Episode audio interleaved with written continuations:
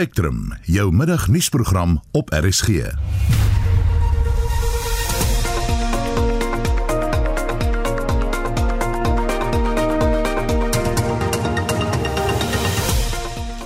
die program vanmiddag, die Tshwane Metro is op die oorlogspad teen onbetaalde rekeninge. So we're looking at an immediate figure of collecting 5 billion rands on our debtors book. We need to change the way the city does business. Daar word baie verwag en nie verwag van die president se staatsrede vanaand. Ons sien nie en verwag nie dat die president iets gaan sê oor die afdanking van minister Bekkie Cele as die minister van polisie nie, die herstrukturering. The president must tell us how he plans to deal with this incompetence and this unacceptable low level of service delivery. En 'n plaaslike slimfoonvervaardiger kom nie die mas op nie. in the hope that we'd find one buyer who'd buy it and would be able to take the business, create employment, and take it as a plug and play. Span is Justin Kennerly, Johan Pieterse en ek is Paxton.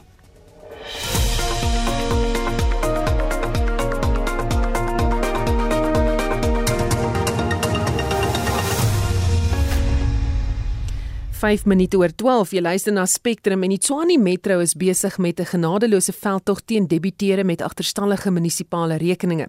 Die burgemeester Randall Williams sê vorige pleidooie aan huiseienaars, ondernemings en staatsdepartemente om hulle rekeninge te vereffen, het op dowe ore geval. Hy sê die Metro moet nou probeer om nagenoeg 17 miljard rand in agterstallige gelde in te vorder. Eerstens wil ek net om verskoning vra dat ek in Engels gaan antwoord. If I don't respond in English, I'm not going to be very coherent. It all dates back to the early 2020 when we were placed under administration. We had a debtors book of about 12 billion rands. When we returned eight months later, our debtors book under the administration unfortunately escalated to over 16 billion rands. And then we found ourselves in the midst of the pandemic. When we got back to office on the 31st of October 2020, our debtors book then escalated further over the past year to over 17 billion rands. If you look at at the moment in the city of Tshwane, only 56% of our customers, and that includes residents, businesses, government departments, regularly pay their bills. So as ons nou kyk na diegene wat nie betaal nie, wie is die skuldiges? Well, it's everybody. Residents owe us over 8 billion rands, businesses owe us over 5 billion, and then government departments, provincial government, including other municipalities, owe us about 1.3 billion rands. So julle is verplig om agterstallige geld te verhaal en dit gebeur altyd. Maar hierdie veldtog is effens meer aggressief. Hoekom word die veldtog so in die openbaar gedoen? We don't have an option not to do it. So we have always been doing it. We follow processes.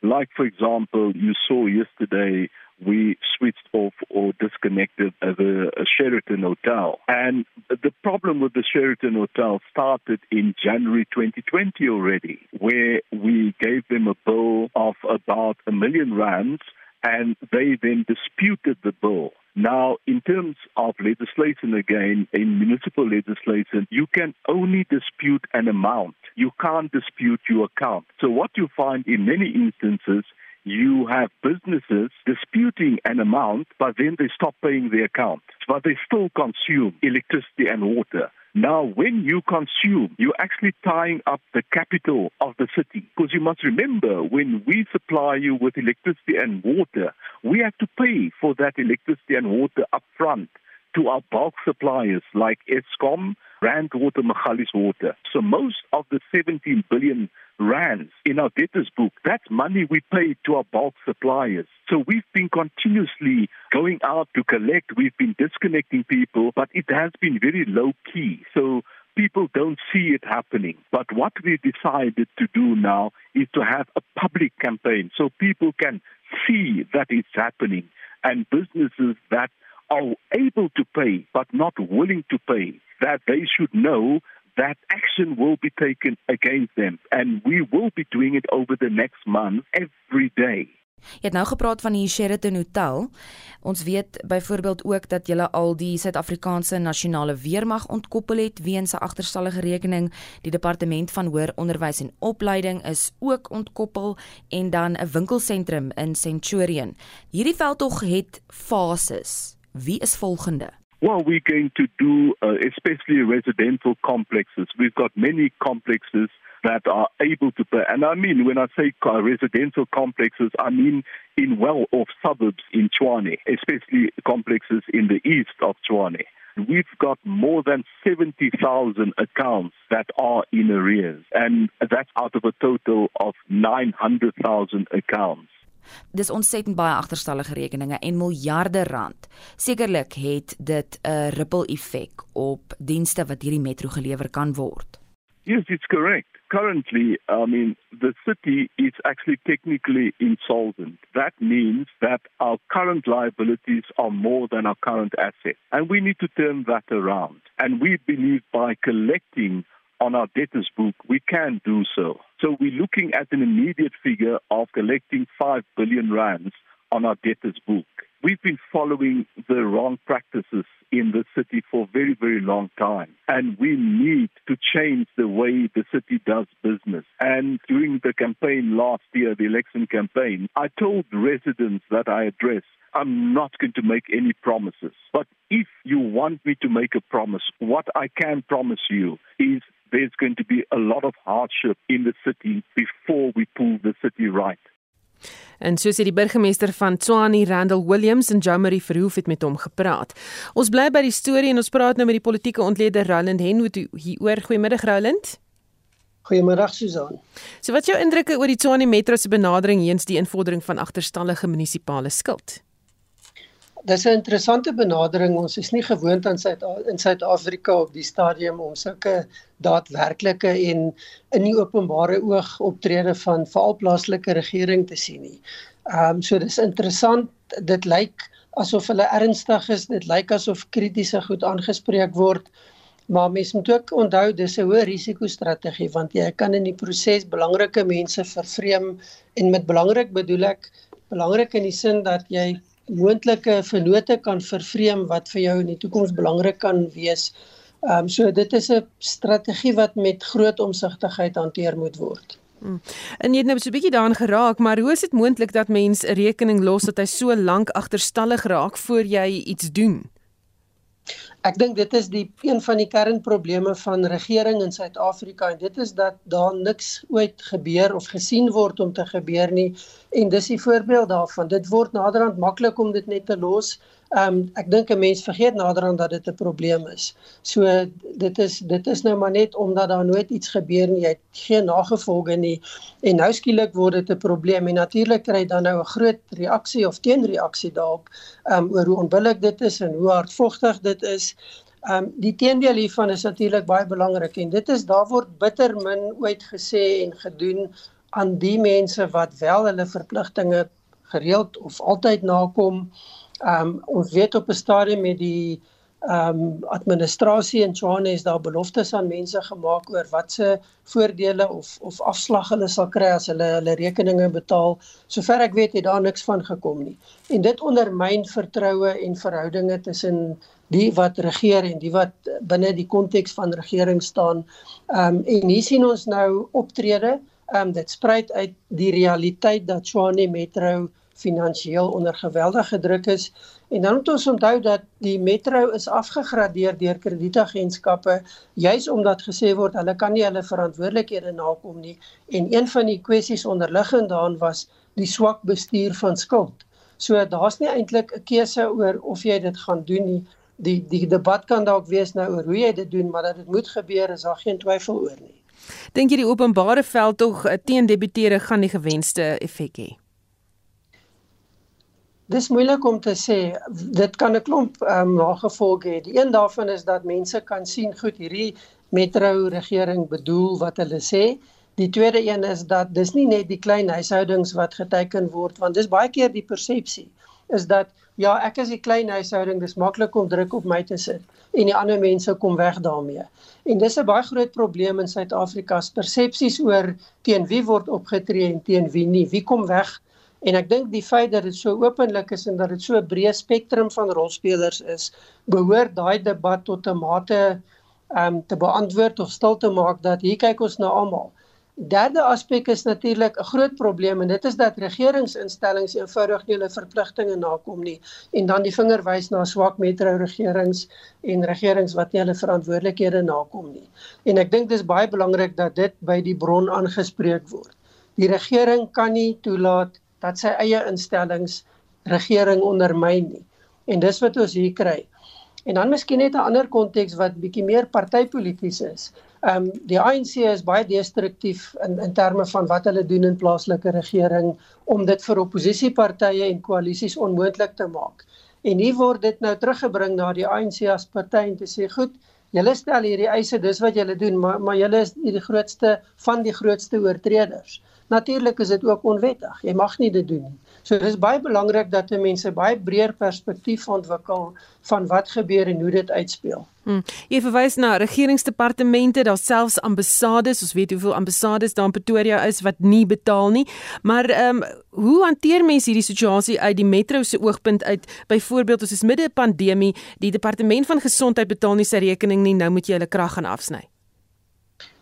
En dit is waar baie versigtig en en en daar moet oordeel aan die dag gelê word dat jy nie meer skade aanrig as wat jy goed doen nie.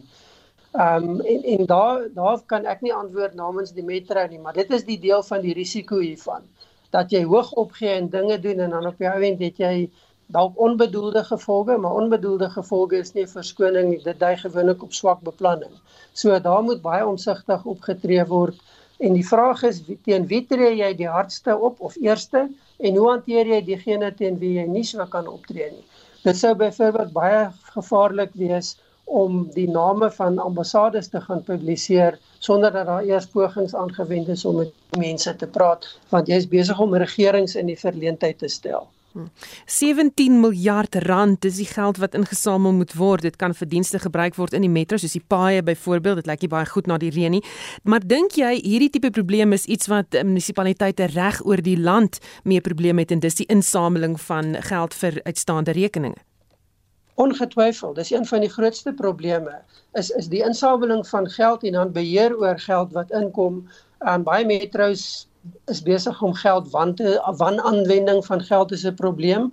Met ander woorde, daar word geld spandeer op goed wat nie prioriteite behoort te wees nie, wat nie belangrik is nie. Maar maar jy kan niks doen as jy nie jou geld inkry nie.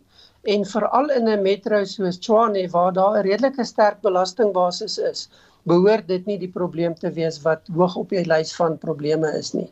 Daar's ander probleme en hierdie moet so gou as moontlik uitsorteer en opgelos word. Baie dankie, dit was die politieke ontleder Roland Henwood. Net meer as 2 jaar nadat Suid-Afrika se eerste slimfoonfabriek in Durban geopen is, gaan dit op 'n veiling verkoop word. Die Mara slimfoonaanleg is in Oktober 2019 deur president Cyril Ramaphosa geloof as 'n fasiliteit wat duisende werksgeleenthede sal skep. Mara Fone het die fabriek opgerig met 1,5 miljard rand se befondsing van Standard Bank en die Nywerheidsontwikkelingskorporasie. Die beleggers sê nou die fasiliteit moet opgeveil word. 'n Direkteur van Park Village Auction House, Clive Lazarus, verduidelik hoe die veiling gaan werk? It's the assets of the electronic manufacturing company which are being offered broken up in various lots. There's an assembly plant, there's a calibration plant, there's a nitrogen plant, there's a generator, there's a lot of security, including turnstiles, access control, CCTV cameras, and monitors. There's office furniture, IT equipment, contents of rooms, there's cell phone stocks, jigs, and thereafter we have are combining all these various lots, presumably nine or ten individual lots, as a combination of lots in the hope that we'd find one buyer who'd buy it and would be able to take the business, create employment, and take it as a plug and play and carry on employing people and effectively manufacturing, if it's not cell phones necessary, it would be a manufacturing of a electronic components. Have you received any offers yet? The offers of the offers close on the 28th of February. A tender that is on a sealed tender. We've had a lot of interest, but the invitation is extends for the offers to be submitted by 12 o'clock on Monday, the 28th of February. Thereafter, the financial institutions will analyze the offers and determine which offer they would like to take. En dit was die direkteur van Park Village Auction House, Clive Lazarus. Ons bly by die storie en praat nou met die hoofredakteur van die aanlyn publikasie My Broadband, Jan Vermeulen. Goeiemôre Jan. Goeiemôre. Die Marafone het drie modelle vervaardig wat redelik bekostigbaar is. Hoekom het die mark nie gebyt nie? Ja jong, want jy jy kyk na die Marafone en dan vergelyk jy dit met die ekwivalente Samsung foon en uh en dan sê jy nee maar hoekom sal ek dan gaan vir 'n handelsmerk wat ek nie ken nie oor 'n handelsmerk wat ek ken. So ehm um, as jy as jy 'n 'n mark soos die selfoonmark wil betree, dan ehm um, dan moet jy ongelukkig ehm um, uh, uh kom met 'n met 'n offer wat sê ek gaan vir jou iets beter gee teen teen minder wat wat eintlik moeilik is om te doen. Ehm um, maar dis dis maar uh, waarop dit neerkom. Dis hoekom mense nie die fone ge, gekoop het nie. Ehm um, en as 'n mens kyk na wat Huawei gedoen het destyds, dis hoe hulle die mark betree het. Hulle hulle het aggressief met Samsung meegeding op prys. Ehm um, goedkoper ehm um, goedkoper slimfone beskikbaar gemaak uh wat wat beter hardeware gehad het. Ehm um, en en dis maar dis maar hoe jy uh, die, jy weet mense jy weet op op mense se radar kom uh, op die einde van die dag. Weet jy hoeveel mense vir Marafone gewerk het? Nee, uh, ongelukkig nie. Ek het ek het nie idee hoeveel werknemers hulle gehad het op die piek nie. Indien 'n ander selfoonmaatskappy die fabriek op die veiling koop, wat sou jy sê moet hulle dan nou anders doen? Ja, ehm um, so die eerste ding is jy moet 'n strategie hê van van uh, as jy nou in Suid-Afrika in wil verkoop, hoe jy hoe jy uh, mense se aandag gaan trek en vir hulle sê hierdie is beter as Samsung of hierdie is beter ten minste beter waarde vir geld as Samsung. So jy kry nou jy kry nou dalk nie die die shiny uh, Samsung wat nou jy weet die die bekende handelsmerk op die op die mark is nie, maar um, ons bied vir jou hierdie en hierdie en hierdie ekstra. Ehm um, en dan um, om regtig uh, 'n sukses daarvan te maak, moet jy moet jy buite nie net buite Suid-Afrika kyk nie, met buite Afrika kyk.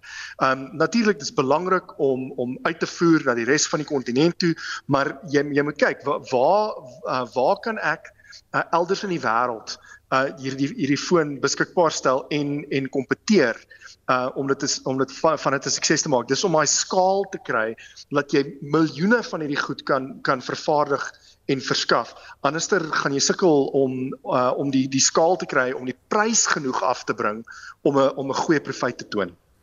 Baie dankie. Ons het gepraat met die hoofredakteur van die aanlyn publikasie My Broadband, Jan Vermeulen. Die Padverkeersbestuurskoöperasie gaan binnekort aanlyn betalings vir die hernuwing van voertuie en bestuurslisensies aanvaar. Die koöperasie se hoof van tegnologie, Kevin Caravalla, sê dit is een van vele nuwe funksies wat aanlyn beskikbaar gemaak gaan word. The first service is the ability to renew the vehicle license. During the start of the pandemic in June 2020, the corporation introduced the ability to download your vehicle license renewal rather than having it posted to you or emailed to you. That was the options that were made available. Now we're taking it a step further where you can actually now do the payment online. The second offering is the ability to pay for your driving license card renewal online. That means that before you actually go to the DLTC, you've already paid the amount, so you will enter DLTC and only do the eye test, fingerprints, and take the photographs, and you can then leave thereafter because the fees have already been paid up front. Caravalla sê motoriste sal ook binnekort nie noodlottige ongelukke aanlyn kan rapporteer eerder as fisies by 'n polisiestasie. The third service is the ability to report a crash online the access is then provided to the report to your insurance company or to a third party that you need to share that information with. Uh, and that information can then be extracted and, and used to settle any claims or, or issues such as that. And these are only for minor crashes where there's no injuries. So you don't have to visit the South African police station to go and report a crash any longer. Die stelsel sal later in Februarie amptelik vir die publiek oopgestel word. The process started, of course, with the publication of the legislation. So the services come into effect 30 days thereafter. So the launch of the services will happen on the 17th of February, and immediately thereafter, the services will then be available to the public. We've appointed a reputable partner that, that manages the electronic payments for the corporation, so the, the service is very secure. So this service really just augments the services that are there as well. And with introduction of the convenience services, even the driving license card can be delivered to wherever you are in the country, so you don't have to go back to a DLTC to go and collect your card. Daarna, volgens Karwalla, sal motoriste byna nooit weer na 'n verkeersdepartement hoef te gaan nie, behalwe om oogtoetse en vingerafdrukke vir bestuurslisensies te doen. The only time that you need to go in is to have the personal biometric information needs to be captured. Other than that, you'll be able to transact everything else online. The most important thing here is the convenience, the ability to do everything from the comfort of wherever they are, whether at home, at the office, wherever they've got access to the to the internet, they'll be able to transact. That means that you know it's less time spent in licensing centers, and also members of the public that have to go to a center. It will be a shorter period that you spend there. So these are the benefits of the online services. It's the convenience that it gives the public, and you're not tied down having to take time off work, going to a specific place during office hours to have services access. That is the, the big game changer. So sê die Padverkeersbestuurskorporasie se hoof van tegnologie, Kevin Karawalla. Ek is John Marie Verhoef vir SAK nuus. Markte wêreldwyd sit in afwagting oor of die FSA sy rentekoers gaan verhoog of nie. Inflasiesyfers daar word vandag bekend gemaak en ekonome verwag baie hoër inflasiedata wat die Federale Reservebank sal dwing om rentekoerse te verhoog. Dit sal 'n beduidende impak hê selfs hier op eie bodem en ons praat met Dr. Chris Harmse, ekonom van CH Economics. Goeiemôre Chris. Maar Susan. Hoe sal 'n rentekoersverhoging 'n impak maak op ons? Susan tweeledig. Uh dit het 'n effek een op die rand. Nou uh gewoonlik as Amerika se inflasiekoers styg, dan verswak die dollar. Veral as daar onsekerheid is of die reserve die Federale Reserve Raad gaan doen wat hy gesê het. Ons wag nou al vir ongeveer 8 maande waar hy klink klaar 'n aanduiding gegee dat die rentekoerse gaan verhoog, maar lyk my hy dit word maar uitgestel. Dit is lyk my nie hulle is baie baie opgewonde om hulle rentekoerse te verander nie. Daarteenoor het ons wat se inflasiekoers nou meer as 2% laer is as Amerika alreeds twee keer verhoog. So daardie uh verskil in die reële opbrengste trek geld na Suid-Afrika toe. Ons het dit al gesien die laaste dag of twee in ons staatseffekte en in ons aandele en ons sien dus dat die rand uh is besig uh, om uh, te verstewig. Uh soos byvoorbeeld die rand is al vandag op R15.11 terwyl hy nog in die begin van die jaar op R16 was. So ons het veral in die laaste week gekry voordat hierdie syfer nou begin uitkom dat die rand vanaf Gister af redelik sterk verstewig het. Ons was nog maandag hier by R15.58, so rand of môre op R15.11. So ons sien klaar daai effek. Dis die eerste effek. Goed, die tweede effek wat dit het is dat die uh, buitelanders definitief uh Suid-Afrika se staatseffekte en ons aandele kom opkoop. Ons het gister gesien dat ons aandelemark baie sterk beweeg het. Uh en ons effekte koers ook. Ons effekte koers is vir die dag al 0.26 van 'n persent uh laer uh, uh, uh en uh die die opbrengs is al 0.26 van 'n persent sterker op die korttermyn staatseffek en op die langer termyn effek soos al 0.6 van 'n persent sterker wat jy hoër opbrengs op jou geld verdien. So so dit is alles die positiewe effek van 'n moontlike hoër inflasie in Amerika en rentekoersverhoging. So ons markte verdiskonteer dit dan baie positief. Suid-Afrika is 'n opkomende land. Ons word nog al redelik gesien as 'n veilige reserve en daarom is dit die derde effek dat die goud het vandag alweer 10 dollar 13 gestyg. Ons staan op 1832. Uh en uh uh platinum het gister en eergister sterk gestyg. Hy is vandag baie sywaarts, maar nog 1026. So ons kry op al daardie uh, faktore 'n baie sterk positiewe effek op die oomblik is amper asof dit 'n tweede dubbeldoor is en dit natuurlik beteken baie goed vir die staat en die staat se finansies hmm. en natuurlik vir die gewone belegger.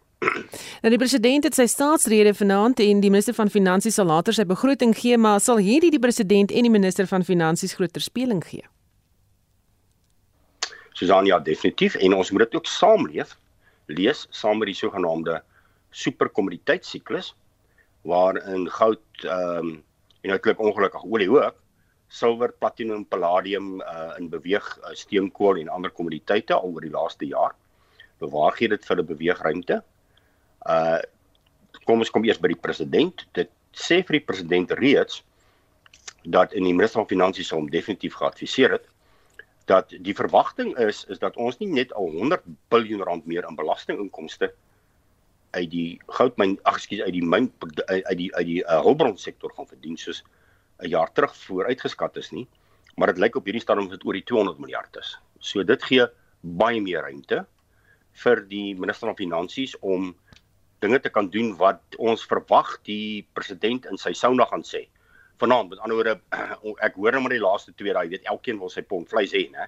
Elke sektor sê die toerisme moet moet uh, bevorder word, ehm um, uh, die uh, klein sake moet bevorder word, uh, uh, uh ouer mense pensioen moet uh, aange, aangepas word, um, uh, ook uh, infrastruktuur en dienslewering wat gedoen moet word. Uh dit gee meer ruimte om kan ons sê hopelik ehm um, 'n plan ekonomiese plan op die tafel te kan sit wat uitvoerbaarheid is en uitvoerbaar is en wat hy vir ons meer duidelike bakens gee. Hmm. Ek dink dis die minister, dis die president. Die minister van finansies sit nou met die voordeel dat hy gaan waarskynlik in sy begroting sê dat ons tekort voor lenings of ons totale skuld tot die BBP gaan waarskynlik so 4 tot 5% laer wees as wat verlede begroot is en hulle sien om in die volgende 2-3 jaar ook laer.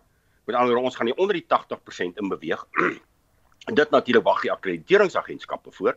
En as die akkrediteringsagentskappe dit as positief gaan sien, gaan die akkrediteringsagentskappe ons waarskynlik opwaarts aanpas en ons kan selfs miskien 'n normale akkreditering kry. Uh en dit gaan weer eens dan 'n tweede ronde effek op die rand hê wat sterker gaan wees uh aandele wat gaan beter doen ensovoorts en goed is vir die ekonomie. So ons het eintlik 'n meervalerie. Ek hoop nou net hulle gebruik dit reg.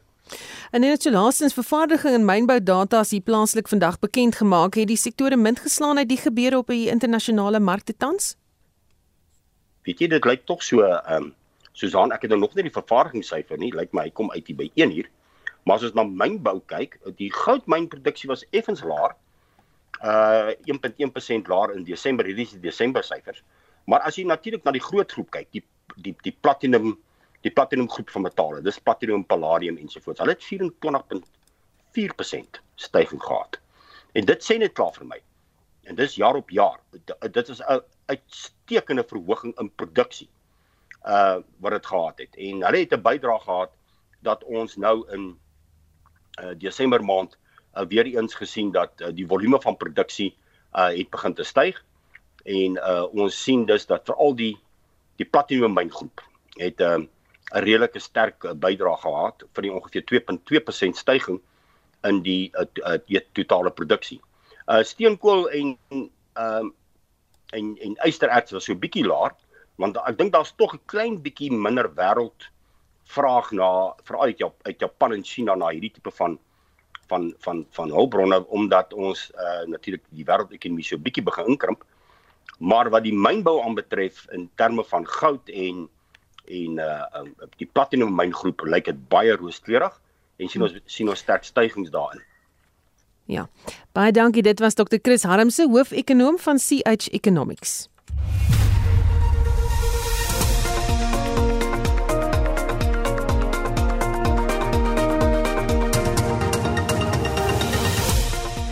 Die volgende halfuur vra ons hoe gemaak as jou lisensie verval het en jy is in 'n botsing betrokke. Ons kry antwoord op hierdie vraag. Die staatsrede word vanaand omstreeks 7 uur gelewer.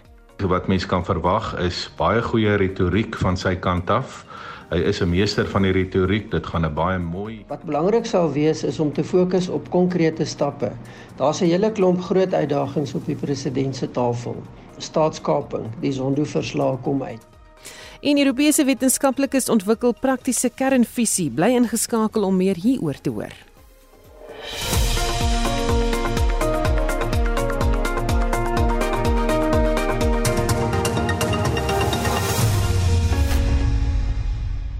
Jou versekerings uitbetaal indien jy in 'n motorongeluk betrokke is nadat jou lisensie verval het en jy nog vir 'n nuwe een wag. Dit is verskeie motoriste se vraag in die lig van die agterstand in die druk van bestuurslisensiekaarte. Die masjien wat die lisensies druk is onlangs herstel. Die minister van vervoer, Fikile Mbalula, het aangedui dat die agterstand oor die volgende paar maande opgeklaar sal word. Ons praat met Rudolf Brits, hoofaktuaris van Momentum Insure oor die kwessie. Goeiemôre Rudolf. Goeiemôre Susan, dankie dat jy my gekontak het. Hoe hanteer die versekeringsindustrie eise van mense wat in ongelukke betrokke was, maar hulle lisensies het verval en hulle wag nog vir die nuwe kaarte? Ag Susan, by Momentum Insure probeer ons nou nie puntenerig wees oor kleinighede nie. So wat ehm um, wat ons regtig wil regkry is dat mense kan vertrou dat hulle versekerings sal werk soos wat hulle gedink het dit sal. So jy eh, die rede hoekom 'n mens wil weet of 'n motoris 'n uh, lisensie gehad het as daar 'n ongeluk is, is eintlik maar vir twee redes. Die een is ons wil seker maak dat iemand opgelei is om te kan bestuur en die tweede ding is ons wil seker maak dat die lisensie wat uitgereik is ehm um, nie moontlik teruggetrek is vanweë enige ander oortredinge nie of daar is ehm um, weet voorwaardes waaraan voldoen moet word soos byvoorbeeld iemand wat met 'n bril moet bestuur. So dis maar die twee goed wat ons wil be bevestig. So as dit die geval is dat 'n lisensiekaart net nie hernie is nie vir watter rede ook al, jy weet die departement kon nie oop gewees het nie of die ehm um, in hierdie geval wat ons nou het, jy weet die kaartmasjien het gebreek en vir daardie rede kan die lisensie net nie uitgereik word nie. Dan sal ons nie eh, 'n kwessie daaroor hê nie. Jy weet die die feit bly staan, hierdie motoris het eintlik 'n lisensie, hy is gelisensieer. Die bewys daarvan het net verstryk en mens kan op ander maniere bevestig dat die lisensie nie teruggetrek is deur die departement of 'n hoofdalk nie uh, of 'n hoofdalk nie. Hmm. Nou wat kan motoriste dan intussen doen om te verseker dat hulle eise nie afgekeur word nie? Man die gewone goed, 'n uh, motorist moet maar uh, eintlik elke kliënt mens moet maar net voor 'n dag kom met al die inligting onmiddellik. Ehm um, en as daar 'n situasie was waar die lisensie nie beskikbaar is nie, dan net verduidelik hoekom dit nie so is nie. Uh die versekeraar verseker momentum sal nie 'n probleem daarmee hê uh, in die huidige stand van sake nie. Hm. Nou die minister het beloof dat hulle die agterstand gaan inhaal met die druk van hierdie kaarte, maar as dit nie gebeur nie, ehm um, wat gaan julle doen? Gaan julle mense nog tyd gee om die regte lisensie te of te, te wag vir daai kaarte? Ag uh, wat ek nou nie 'n kommentaar lewer op die minister se doen en later nie wat ons net kan bevestig is by momentum gaan ons aanhou om kliënte se eise um, uit te betaal as daar geen rede is waarom die lisensie nie nie bestaan nie. Jy weet as daar geen uh, rede vir in die kliënt se vermoë was om die lisensie te kry nie. Hm. Rudolf en uh, moet ons byvoorbeeld uh, ons versekeraar laat weet en sê luister ek het 'n lisensie hy het verval maar ons wag nou nog vir die kaart weet jy Susan, dit is nie nodig nie. Ehm um, die daai bevestiging sal by momentum gebeur op die dag van 'n eis sodat ons nou nie uh doemprofeet wees en dink almal sal eis nie en dat ons maar dit eerder so hanteer op 'n transaksie tot transaksie basis. Baie dankie dit was Rudolf Brits hoof aktuaris van Momentum Insure. Die president lewer vanaand omstreeks 7 uur sy staatsrede vanaf die Kaapstad se stadsaal. Die dekaan van die departement Geesteswetenskappe aan Akademia, professor Pieter Dievenage verwag 'n mooi toespraak, maar is skepties oor of die president wel die brandpunte in die land sal aanraak. Dit gaan interessant wees om te kyk en om te luister na die staatsrede van president Ramaphosa en ek dink wat mense kan verwag is baie goeie retoriek van sy kant af. Hy is 'n meester van die retoriek. Dit gaan 'n baie mooi toespraak wees, maar die kritiese vraag is of president Ramaphosa die wesenlike kwessies van Suid-Afrika gaan aanspreek. Ek dink dit is waarna ons uh, mooi na moet kyk. Roland Henwood, 'n politieke ontleder verbonde aan die Universiteit Pretoria, sê die president sal vertroue moet inboesem by die nasie. Wat belangrik sou wees in die president se rede is nie om groot nuwe aankondigings te maak nie. Ons het gesien in die afgelope 2 jaar dat daar dimensies daarvan was en dit het nie vertroue gewek nie. Daar is 'n baie groot legitimiteitsprobleem met die president en met die regering. Wat belangrik sal wees is om te fokus op konkrete stappe. Daar's 'n hele klomp groot uitdagings op die president se tafel. Ehm um, staatskaping, die Zondo-verslag kom uit die verslag wat nou vrygestel is oor die Julie 2021 onluste ehm um, wat baie spesifieke en baie kritiese sake aan die president as president van Suid-Afrika rig. So die kwessie vir my is wees realisties, fokus op dit wat doenbaar is en wat regering gaan moontlik maak en wat regering gaan versterk en wat die rondvallery en die afwesigheid van regeringsleiers tot 'n mate gaan aanspreek. Dit was die politieke ontleder Roland Henwood vanaand om 7 uur is beide Roland Henwood en Pieter Dievenage saam met my in die ateljee om die staatsrede te ontleed so skakel vanaand in hiervoor. In aanloop tot vanaand se staatsrede sê verskeie drukgroepe hulle is moeg vir leë beloftes oor geweld, aanspreeklikheid en swak dienslewering. Marlene Forsie het meer besonderhede. Amnesty International se uitvoerende direkteur in Suid-Afrika, Shanila Mohammed, sê hulle wil hê dat daar daadwerklik opgetree word teen diegene wat nie daarin kon slaag om lewensverlies te verhoed tydens die 2021 Julie onluste nie. Ultimate accountability lies with President Ramaphosa and his security cluster ministers who are tasked with keeping the country safe. Without any real action on the report, the culture of impunity and lack of accountability will continue to have a negative impact on every level of society. Areas that were already buckling under poor service delivery and human rights violations, such as quality education, gender based violence, access to water and sanitation, and corruption, continue to worsen. Sy sê verder daar moet erns gemaak word met die tweede deel van die Sondekommissie se verslag oor staatskaping en dat hulle nou al moeg is om te vra dat pittoilette iets van die verlede word. Maar dis al nie. South Africa continues to display some of the most pervasive and extreme levels of gender based violence. The most recent crime statistics show that not enough is being done to combat this crime. President Ramaphosa needs to tell us how the government is dealing with the failing criminal justice system when it comes to these crimes and how it is fixing the DNA backlog, which is delaying justice for victims and survivors. The state has failed dismally when it comes to service delivery.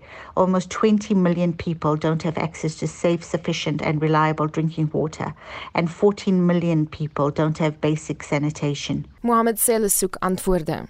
The president must tell us how he plans to deal with this incompetence and this unacceptable low level of service delivery.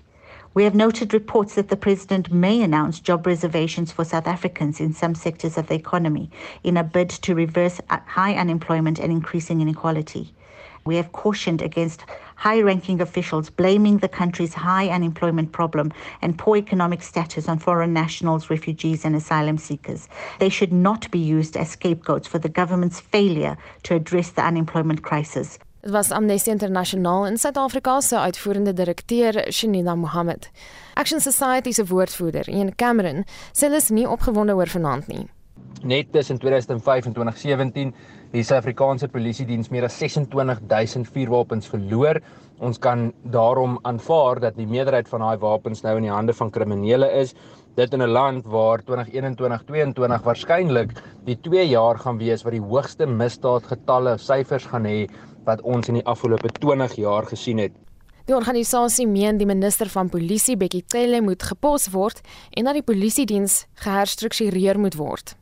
Ons sien nie en verwag nie dat die president iets gaan sê oor die afdanking van minister Bekkie Cele as die minister van polisie nie, die herstrukturering van die polisie se bestuur deur 'n onafhanklike paneel aan te stel om hierdie aanstellings te maak, seker te maak dat enige senior bestuurslede in die polisie nie aangestel is as gevolg van ANC affiliasie nie, maar eerder aangestel is volgens meriete. Dit was Action Society se woordvoerder, Ian Cameron. Hy sê verder hulle is bekommerd oor die voortsleepende kwessie van geslagsgebaseerde geweld in die land. Marlene Forsie is hy gonies. Daar word veral vandag op verskeie platforms gekla oor die probleem van gebrekkige behuising en werkloosheid onder die jeug. Die hoop is dat doeltreffende stappe vanaand aangekondig sal word om die probleem op te los. Die stigter van die Shack Builders projek, Quentin Adams, sit egter nie op sy hande nie, maar hy verseker berig hy en sy span het die sogenaamde Backyard Varsity gestig wat die jeugtoerus met vaardighede om hulle self en hulle gemeenskappe te bemagtig. Adam hulle lei werklose jong mense op om bouvallige strukture in hulle woongebiede af te breek en te herbou. Dit vir leerders op plus minus 50 jong mense wat die skool vroeg verlaat het, het ons opgelei en dis so 'n 3 weke kursus basiese vaardighede om te meet hoe om te bou, hoe om 'n dak op te sit, hoe om plate op te sit, te saag. Na die opleiding gaan die span dan op uitreike om hulle nuwe vaardighede in te span. Ons het nou besluit ons gaan nou 'n bietjie groter gaan. Ons gaan nie net meer een informele struktuur bou nie, ons gaan nou meer as een bou. Toe kry ons 'n 8 ton trok Ons het omtrent 3 huise se materiaal daar opgesit en ons het twee spanne nou. Die een span het gebou in Mosselbaai en die ander span het gebou in Grootbrakrivier. En ons is nou besig om meer jong mense op te lei. Ons hoop om 1000 shackbouers op te lei. Die laaste uitreik was Backyard Varsity se 4de een. Ons het ook al in Kailicha en in Tembeni het ons omtrent so plus minus 12 jong mense opgelei en selfs van die jong mense van Intembeni Kailicha het ook nou saam met ons gegaan na die uitreiking. In die spanne word leiers boonop geïdentifiseer en opgelei. Dit wys weer een die potensiaal van opleiding en ontwikkeling en om te verseker dat jong mense wat werkloos is met die nodige vaardighede kan hulle 'n betekenisvolle bydrae lewer tot die land se probleme. En hierdie ek het basies opleidingsprogram het gewys dat ons jong mense kan oplei en nou is hulle in diens neembaar. Hulle het nou vaardighede, hulle het 'n CV, hulle kan demonstreer wat hulle kan doen. Adam sê verder dat diegene wat al bou vergoed word vir hulle werk. Ons gee vir hulle stipend as hulle gaan, so 'n basiese bedrag en dan doen ons verdere opleiding. Ons begin met 'n basiese informele struktuur en nou is ons besig om na die ou huis toe te beweeg om hulle verdere opleiding en vaardighede te gee. En wat baie baie interessant is, soos ek nou met jou praat, is daar nou al 12 dorpe reg oor die land wat vir my gekontak het en gesê het, kan ons ook hierdie konsep begin nie? En hulle wil graag hê dat ons hierdie konsep moet neem na hierdie verskillende dorpe. So ons het al begin met twee of drie dorpe gesprekke gevoer met hulle om seker te maak wat is die moontlikheid dat hulle kan begin om hierdie jong mense te kan oplei. Dit was die opvoedkundige sielkundige en stigter van die Shack Builders projek in Backyard Varsity Quentin Adams. Marlene Forsie is ikonies.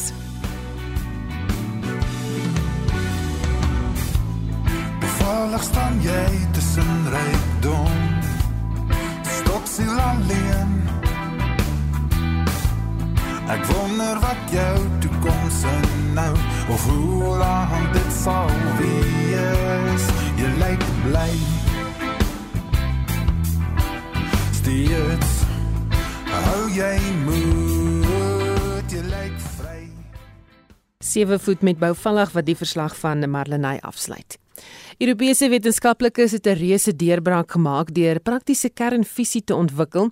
Dis die energieproses wat die sterre aandryf.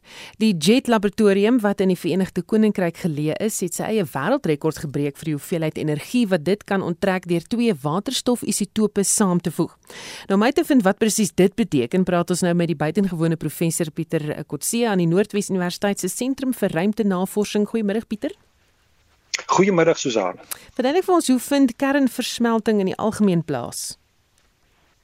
Ja, kernversmelting is 'n proses wat soos jy reg genoem het in die inleiding eintlik die aandrywing is en die energie verskaf in sterre. So die hele idee van die wetenskaplikes of die navorsing oor veilike dekades was om hierdie proses nou eintlik saam te vat en op die aarde te demonstreer en daarmee vir ons 'n onuitputlike bron van energie te wees.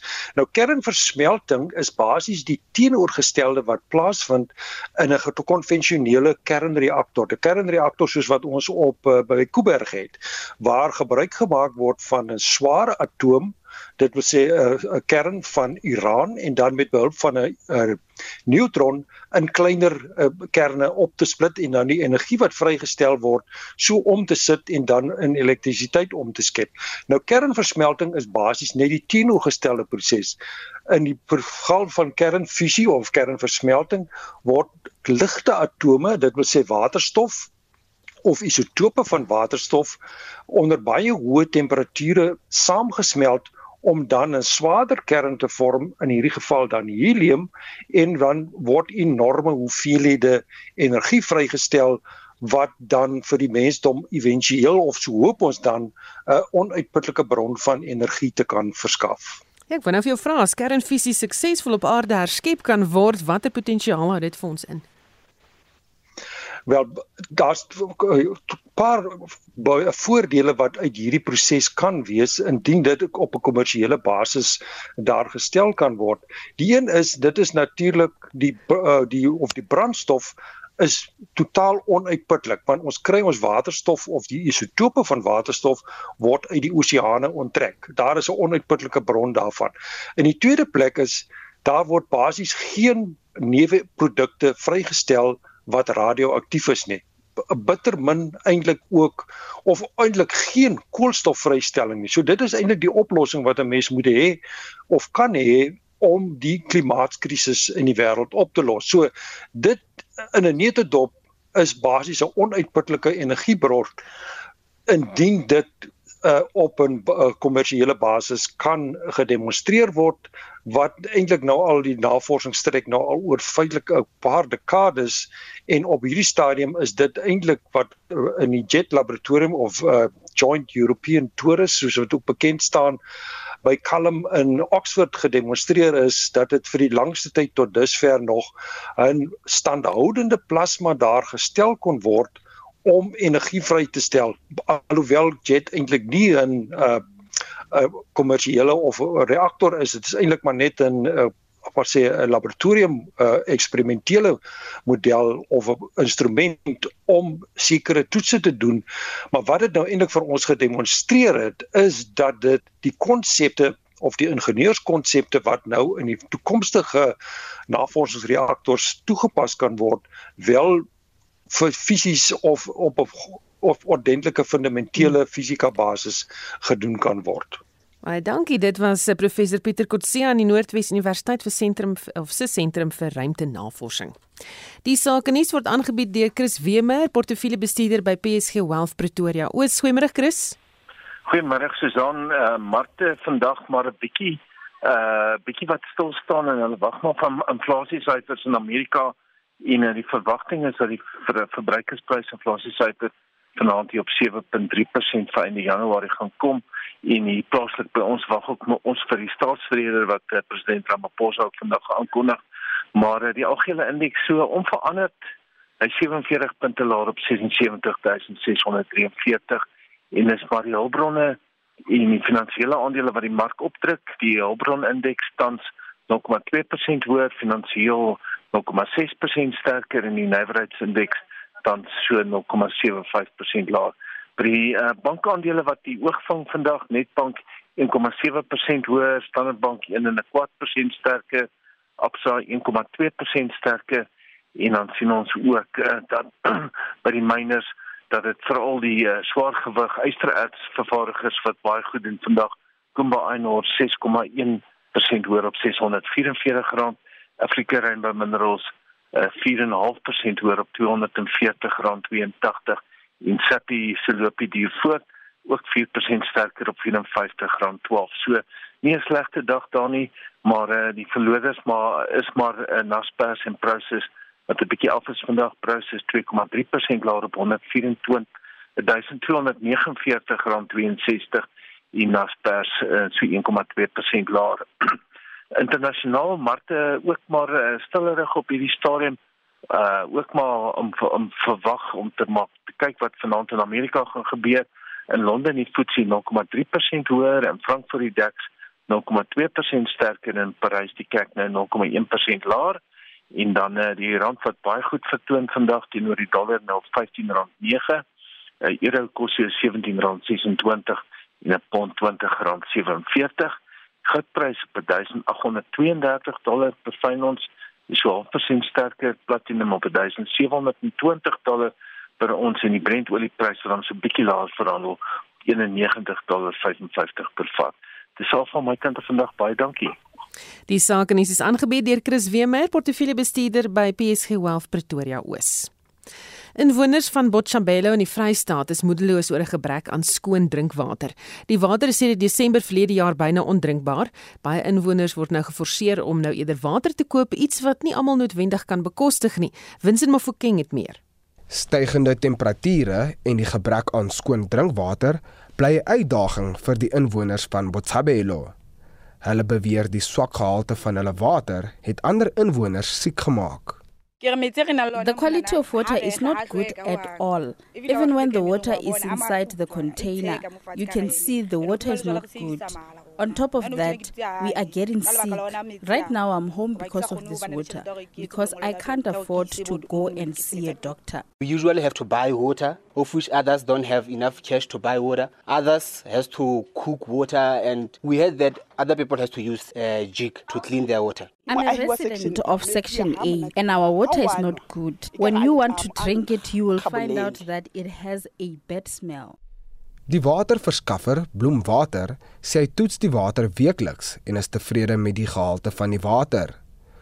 Bloemwater se hoof van bedryf en instandhouding, Maroping Rapudingwane, sê hulle verskaf water in groot maat aan die sentrale reservoirs en die Mangaung Metro versprei dit dan na die verskillende woongebiede.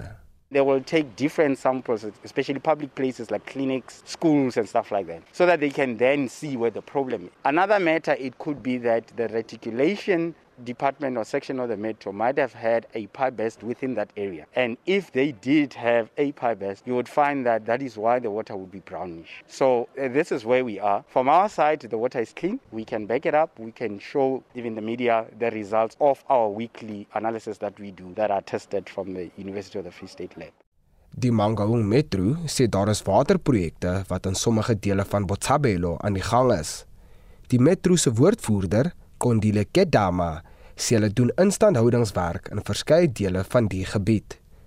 Kedama sê egter die water is geskik vir menslike gebruik. What we've also on our interim report, we've also noticed that there is residual chlorine in our water, meaning that the water is safe to drink, but we'll continue to work on the water itself because we know that it's a number of sections that get affected and the water becomes brown. So it's something that we're paying attention to. Our community must not worry about the safety of water because the interim investigation do tell us that the residual chlorine is there and then it's safe to consume. Die Mangaung Metro sê die situasie sal oor 'n paar dae verbeter.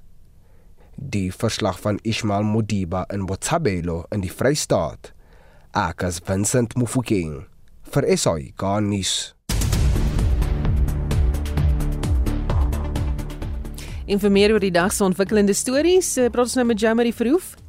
Ja, dit raak al heel bedrywig om die stadsaal in Kaapstad waar president Cyril Ramaphosa vanaand om 7 uur sy staatsrede sal lewer.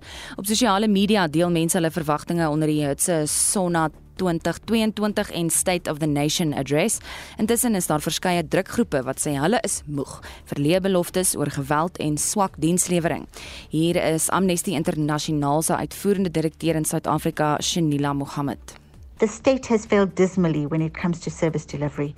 Almost 20 million people don't have access to safe, sufficient, and reliable drinking water, and 14 million people don't have basic sanitation. The president must tell us how he plans to deal with this incompetence and this unacceptable low level of service delivery.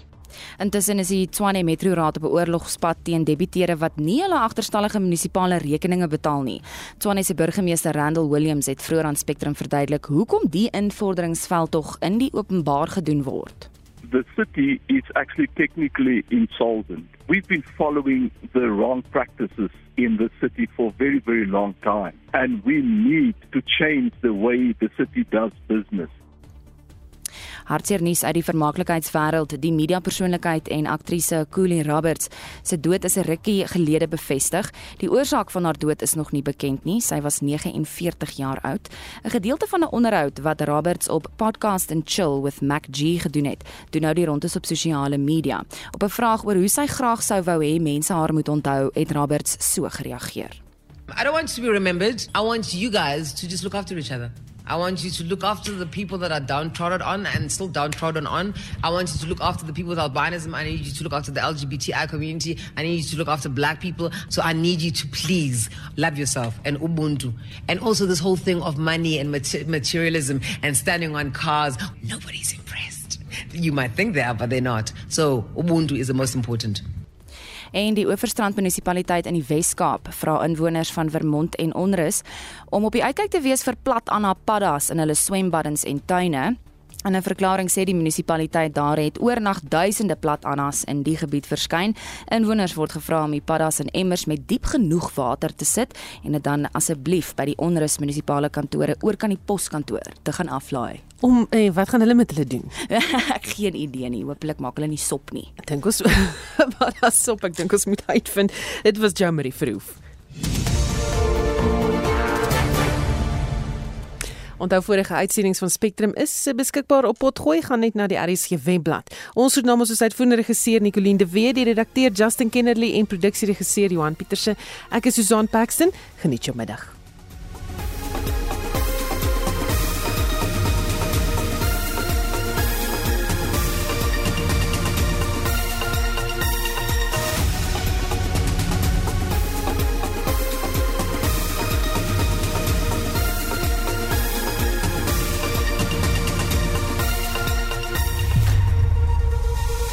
SAK nuus. Onafhanklik, onpartydig.